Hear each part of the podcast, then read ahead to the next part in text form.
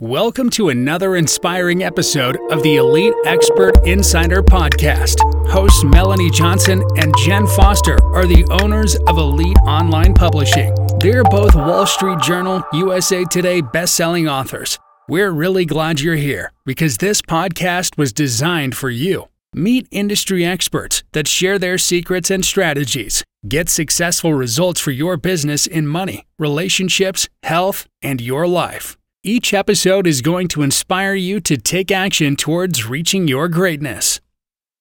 Hey everyone, it's Melanie Johnson with my business partner of Elite Online Publishing, Jen Foster. Hey, Jen. Hey everyone, how's it going today? Man, it's a fantastic day. I am so excited and so proud to have Donna Peters with us today. She is one of our authors at Elite Online Publishing that went through our whole process with VIP Day, where we started to create her create her book and hone her story all the way through the editing, the publishing, the marketing. She hit number one bestseller in nine categories in two countries.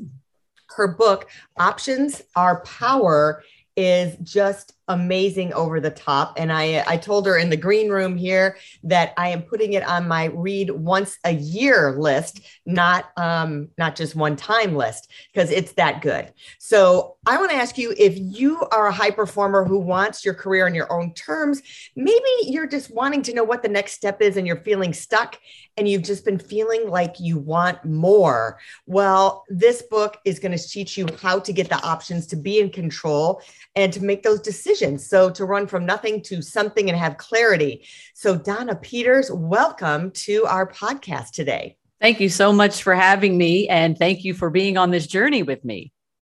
Yes, we're really excited to dive into the meat of your book.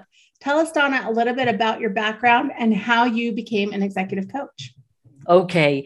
I think about my career as having three main buckets in it. I started out in a very non traditional path and was a professional actor for a little over 10 years. And I, for a lot of variety of reasons we won't go into today, I decided after spending an enormous amount of time dedicated to that career, I tried, I decided to pivot to business. I went back to business school and started a strategy consulting career for about 20 years after that, where I joked I acted like I knew what I was doing for 20 years, blending my acting with my business. And I decided to retire from that 20 year career and pivot into executive coaching just based on that life journey of learning and recognizing that I had differentiated skills and value to bring in that area. And so I, uh, in January of 2020, I launched my full time executive coaching practice as a certified executive coach.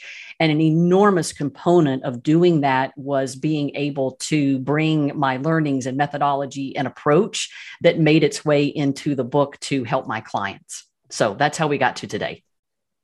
What a great journey. You know, I want to start kind of diving into the beginning of the book. Like the first thing, one of the first things you talk about mm-hmm. is your personal brand. Yeah. What people think and, and say when they first meet you, and why is that important? And talk about, you know, how you you dissect that in your book. Yeah, thanks for pulling that one out because it is one of my personal passion favorites.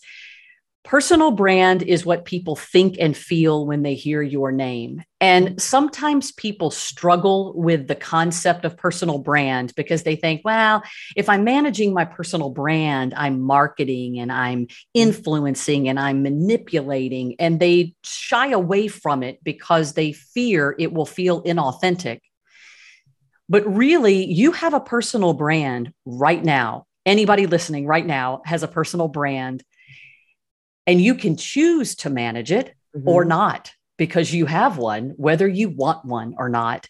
And so in the book, I have an entire section around being thoughtful and knowledgeable about how you are currently perceived and then I offer up some tools and techniques for how do you determine really what is your personal brand. And when you reflect back on what you learn, is it signaling what you want to be attracting in the world for yourself, whether it's for professional development or for personal development? And just like all of us, we go through different phases across that journey, and our personal brand will evolve and change and grow. But my, my bias and my my advice to anyone is you have a personal brand, whether you want one or not. So own it. I like that. That's awesome. Yeah. Well, tell us, you say in the book, lead with a me, a me suite mindset, and you have a podcast called the Me Suite Podcast, Yeah, right? yeah. Explain what what does me suite mean? Okay. So, because people can't see the words, I'm going to spell it for a moment and that will help. Me, as in you and me, and sweet as in executive suite, S U I T E, not sweet like candy. So, the Me Suite is a play on C suite. So, for, for business people, if you have or haven't been out there in C suite buzzword land, the C suite are the chiefs that sit in the leadership team of a company. So, chief financial officer, chief marketing officer, chief executive officer, all of those chief, chief, chiefs are members of what we call the C suite. And in my coaching practice, my methodology uh, is anchored in the neuroscience of leadership. My approach is that we as individuals need to be leading our own personal lives with the same disciplines that C suites are leading the companies that we most admire. These C suite leaders wake up every day marshaling the core values of the company, keeping the day to day operations running smoothly, and keeping that company relevant for the future. And all those three things my personal core values, my day to day operations, me staying relevant for the future I want to live in requires thinking like a C suite of leaders. And I call it the me suite. So that, that was the origin of the me suite, the name of both my coaching practice as well as my podcast. Love that. And I love Yeah. that we really were wrapping our head around, you know, the me suite when we first got together and what all Uh-huh. that means. Yeah. Now, in your book, you talk about skills and strengths Mhm. and thinking creatively and broadly about the value that you bring. Um, Mhm. Walk us through that. Yeah. So I get very sad when a client comes to me and feels stuck or trapped because they want more, but they're not quite sure what it is. And they probably have been boxed in their career into a very specific set of activities, or they're Mhm. very known for only one thing and they can't really break out of it as hard as they try. And part of that is un- unlocking that is thinking very broadly and creatively about the skills and the strengths that we have. And the, the easiest example that I could maybe use here to illustrate it quickly is somebody that's a CPA, a certified public accountant. They may not want to be a CPA anymore. And they're wondering, well, gosh, I went to all that schooling, I got all those certifications. The only thing I can be is a CPA. Well, yes. And if you are a CPA, what are you? What are your underlying skills and strengths? You are probably number one, a very good puzzle solver. You probably are very good at forensic data analytics activities. You probably are very good at weaving a story out of the data and analysis that you're finding. And there are so many other careers and jobs where you can apply a CPA skill set if you think more broadly and creatively about the skill set rather than just, I'm a certified public accountant. And I even have a client who was a CPA and was very disheartened, dismotiv- unmotivated by that particular career path at this certain time. And he ended up taking those skills and pivoting to a career in clinical trial research for oncology pharmaceutical products. And if you think about it on a sheet of paper, it looks a little wacky, but in reality, it's so logical because he was running clinical trial operations for patients to bring new oncology products to the market and help people save lives. And the core of that job was gathering data and analytics from patients' clinical trial data. He was having to log it and analyze it, create reports and filings to get the drugs approved. And if you really think about those core skills and strengths, they are common denominator what he was doing as a CPA, but he was applying them in a very different area that had more meaning and purpose to him at that moment in his life. So I hope that example is a, a good one to illustrate what it means to think creatively and broadly about your skills and strengths. Yeah, that that tells me I, that's a really good analogy. I really like that. Oh, good. So tell us a little bit about the physical and mental health that you need to to to control and to have in your in your life for the Me Suite. Yeah, this is a really interesting area. I have a chapter on physical and mental health because as Melanie mentioned before, the name of the book is Options Are Power. And the whole concept behind that is if you have options and you're surrounded by options, you have the right, but not the obligation to make a change. And we know from neuroscience that when we don't feel we have options, we're trapped. And that is a very, very negative feeling to, to feel out of control. Mm-hmm. There are so many things we cannot control about our health. But the spirit here around physical and mental health in the book is be knowledgeable, be proactive, control the controllables. Because if you don't have a lot of options because of your physical and mental health, the other options available to you around your career and other personal growth opportunities are quite limited. So it's really just under the spirit of let's have very open and transparent conversations about our physical and mental health needs and be very knowledgeable about what it means to take care of yourself. And that sounds like a personal thing, but it it, it weaves into all of the work we do as working professionals. Mm-hmm because any career working professional who is in a full-time position in my example it's going to be for a full-time position. And and if you're if you're multitasking now would be a great time to listen to this one thing i'm going to say. We are awake working or doing something related to work more hours in the week than we're awake doing nothing related to work. And that's why it's so important that we are finding work and career that is allowing us to not just serve the financial needs that we have and the intellectual stimulation needs that we have, but also the physical and mental health needs. It all has to come together. You want to have fun and enjoy what you do, and yeah. even have clients that you enjoy being with. You know, don't yeah. work with people that are stressing you out. So, and you're one of the clients we love being with. Like, if say, who's your well, target uh, client? We say Donna Peters. We want to just, you know, have more of her if we can. we just, uh, you know, put her on the copy machine and get more of them. That would be great. Well, um, thank um, so, you for that. So, tell me about. Um, you know, you talk about finances, mm-hmm. making informed and um, great decisions, plan decisions about money, because that yeah. can be such a complicated thing. I think so many of us don't have financial literacy in this country. Even yeah. super successful people don't have financial literacy. Yeah. So again, you don't really have a lot of options and control if you are not in control of your finances.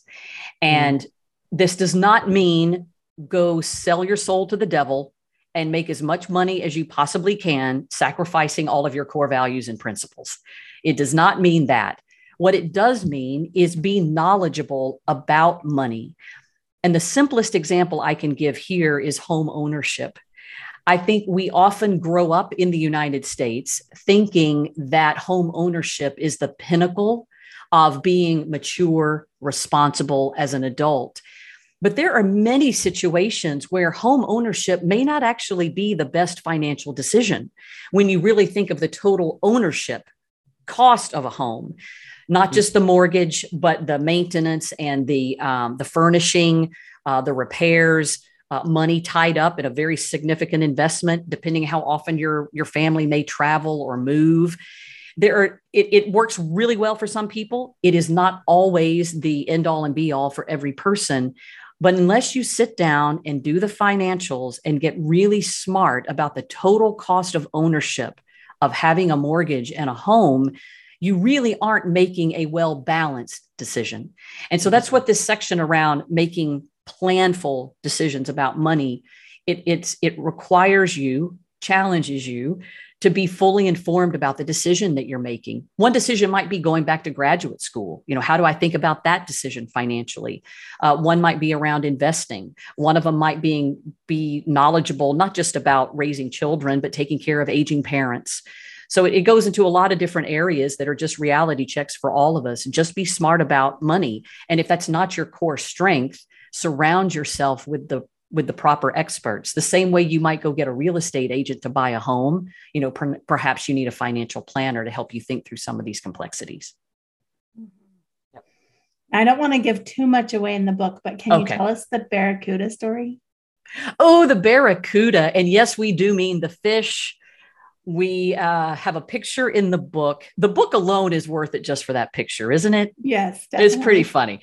Uh, there in my home on the wall is a seven foot stuffed barracuda. that when my husband and I were new in our marriage and we barely had two nickels to rub together, he went on a fishing trip with a buddy. And fast forward, bad things happen to good people.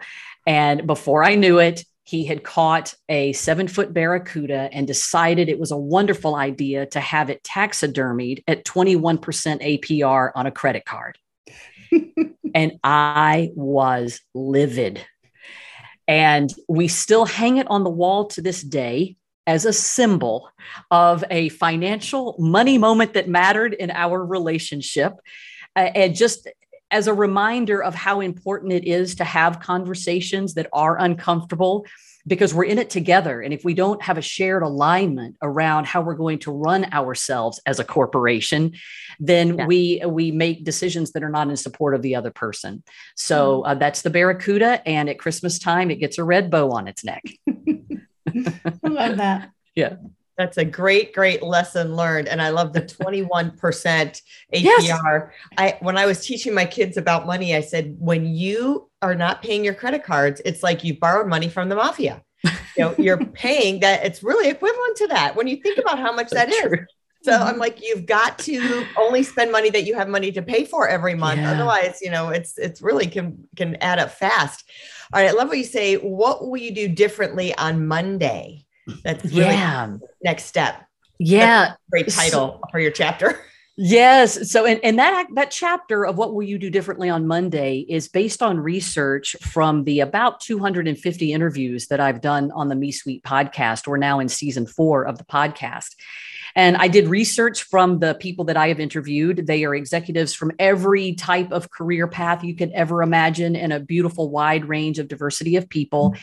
And the thing that I ask at the close of every single interview is what advice do you have for things that we could start doing differently on Monday to lead our lives with a me suite mindset?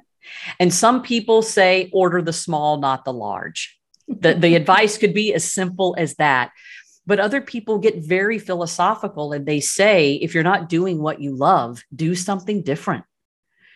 Or some people might say the number one skill that we're missing in leadership today is listening. So, in your next meeting, what you can do differently on Monday is don't be the first person to speak.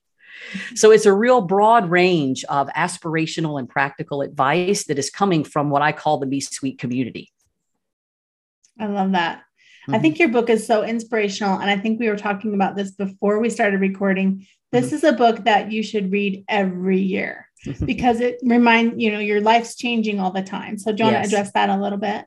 Yeah, there is a chapter in the book called Primacy. Uh, it's it's a, a, core part of my methodology, which is to give you tools for identifying what at this moment in your life is your primacy, and it will naturally change. And primacy is the most important thing to you at this moment, and this ebbs and flows for all of us. And it, you, you can think about it. I think we all have experiences where we recognize our primacy might have changed, but the key is looking yourself in the mirror and really deciding what really truly has primacy right now. I'll sometimes have clients who will say, Oh, my primacy is to uh, get the most senior title I possibly can at my career. And then you realize, wait a minute, it actually isn't about the title, it's about the pay that you want to receive. It really isn't about the title, it's about the compensation. And other people are more uh, differently reflective, and they'll say, I really don't care what type of work I'm doing as long as I have the flexibility to focus on my kids. And that's going to change for us just depending on who we are, what phase we are in our lives. But the hard work is being really honest with yourself about what truly has primacy, because not everything can be equally important. Let's talk a little bit about your motivation to write this incredible book. Um, uh, and what you hope it will do for other people and what mm-hmm. you hope um, it will do in changing your career by having the book. Yeah. So I mentioned I had been in management consulting for about 20 years. And during that time, I I counted I must have been a supervisor, mentor, counselor for probably over 2500 people through that time. And I started to notice that people would start repeating this phrase that I would use with them in my coaching sessions. And I, I would use the phrase options are power. surround yourself with options because I would find people so so stuck or demotivated and they didn't have to leave the company to become unstuck they just needed to think differently and talk differently about they want what they wanted to open up the sea of opportunities. So i was i was trying to keep these wonderful talents at the company and and help them recognize you actually don't have to always leave to get these new things that you want. So fast forward after i'd heard enough people saying options are power i go wait a minute. They just said options are power this might really mean something to people. And then I was so humbled and flattered by that. And, and I and I could see it making a difference in people feeling empowered about their next step, running to something, not from something, as you said, Melanie. Yep. And so I, I thought that that was becoming my my legacy. It was becoming the value that I was bringing in the workplace, rather than me from a content perspective, I, I, became quite famous for writing merger integration playbooks. And I would do back office integration for finance, procurement, HR, and IT. Try not to fall asleep while I'm saying that. and it, it, was wonderful, right? It was needed work for merger integration. But I thought that's not what I want you talking about at my funeral. Yeah. Right. I, at my funeral, I want you to talk about how I inspired you to not feel stuck and to go after what you want. And so fast forward, all those things started to come together. And then I had the great privilege of being able to retire from a fabulous company uh, that was extremely supportive of my retirement. And then bring all these things together, which I'll kind of call uh, the full expression, the full expression of myself. And that's that's part of I thought it, it won't feel real unless I can get it in a book. Mm-hmm. If I can get it in a book, it'll be real. And that's how the journey started. And I'd been thinking about it a long time and I needed a big fat kick in the pants. And so I got a consultation with Elite Online Publishing and I got the big kick in the pants. And lo and behold, here we are. It's done. And just seven months too, I may say. Right. So seven from, months. From idea in your head yeah. to book in your hand was almost seven months to the day. That's right. That's mm-hmm. right and it, it, might have even been a little faster. Uh, we had a we deliberately delayed because of the of the holiday season, right? Mm-hmm. So we pro- probably could have even done it a little bit faster, but strategically uh, decided not to. So right. very very very pleased with all of that. Yeah, and it's a beautiful book. Thank you. I'll read multiple times. Yeah. So Donna, tell people where they can go to find more about you and to get the book. Certainly. So the Me Suite, uh, the email, sorry, the website address is the mesuite.com and it has hyphens in it. So it's the dash me dash suite.com. And as I mentioned before, it's suite like executive suite. You can also find me on LinkedIn. I'm extremely active on LinkedIn with uh, thought capital and uh, articles and points of view. And that you can find me there as uh, Donna Peters. And then the Me Suite podcast is available on all podcast platforms and was a 2021 finalist for Best Business Podcast and certainly available free as all podcasts are. So I, I would love to uh, hear you out there and get ideas for future episodes. So thank you for asking. Awesome. Thanks so much for coming. We just loved having you, loved yeah. working with you, and your book is just um, top notch, top notch. Again, yeah um, pick it up. Make sure you pick it up. And it's one of those you don't read once and put it on the shelf. You're going to want to read it every year. And if you want to be reinvigorated, remotivated, and get realigned, that's the book for you. So thanks for joining us again. Remember to subscribe to our podcast. We always have phenomenal guests, and you learn so much by being here. And if you're looking to become an author, um, like Donna did, and work with us, just go to our website, eliteonlinepublishing.com, hit that submission button, and uh, we'll see if you qualify to be one of our authors. And we look forward to hearing from you. Have a great week, everyone. See you next time. Bye. Hey, are you looking to increase your revenue, build credibility, and elevate your brand? This podcast is brought to you by Elite Online Publishing, an innovative publishing and full spectrum marketing company. They will publish and market your book to make it a number one bestseller. Becoming an author is the best way to market your business. So contact them at eliteonlinepublishing.com today all of their authors become number one bestsellers.